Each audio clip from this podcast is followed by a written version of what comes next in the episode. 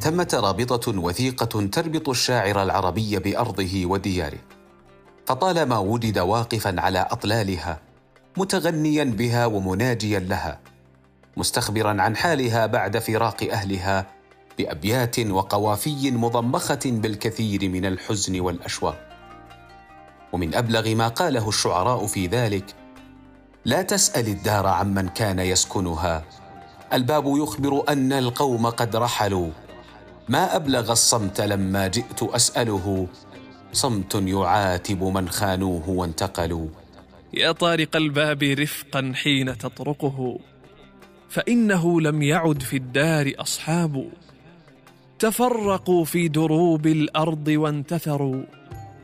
كأنه لم يكن أنس وأحباب. ارحم يديك فما في الدار من أحد. لا ترجو ردا فأهل الود قد راحوا. ولترحم الدار لا توقظ مواجعها للدور روح كما للناس أرواح. إني وقفت بباب الدار أسألها عن الحبيب الذي قد كان لي فيها. يا دار أين أحبابي لقد رحلوا ويا ترى أي أرض خيموا فيها؟ مررت بدارهم شوقا إليها لعلي ألمح الأحباب فيها فما من نائم في الدار يصحو وما من زائر يدنو إليها. سألت الجار ما الأخبار قل لي.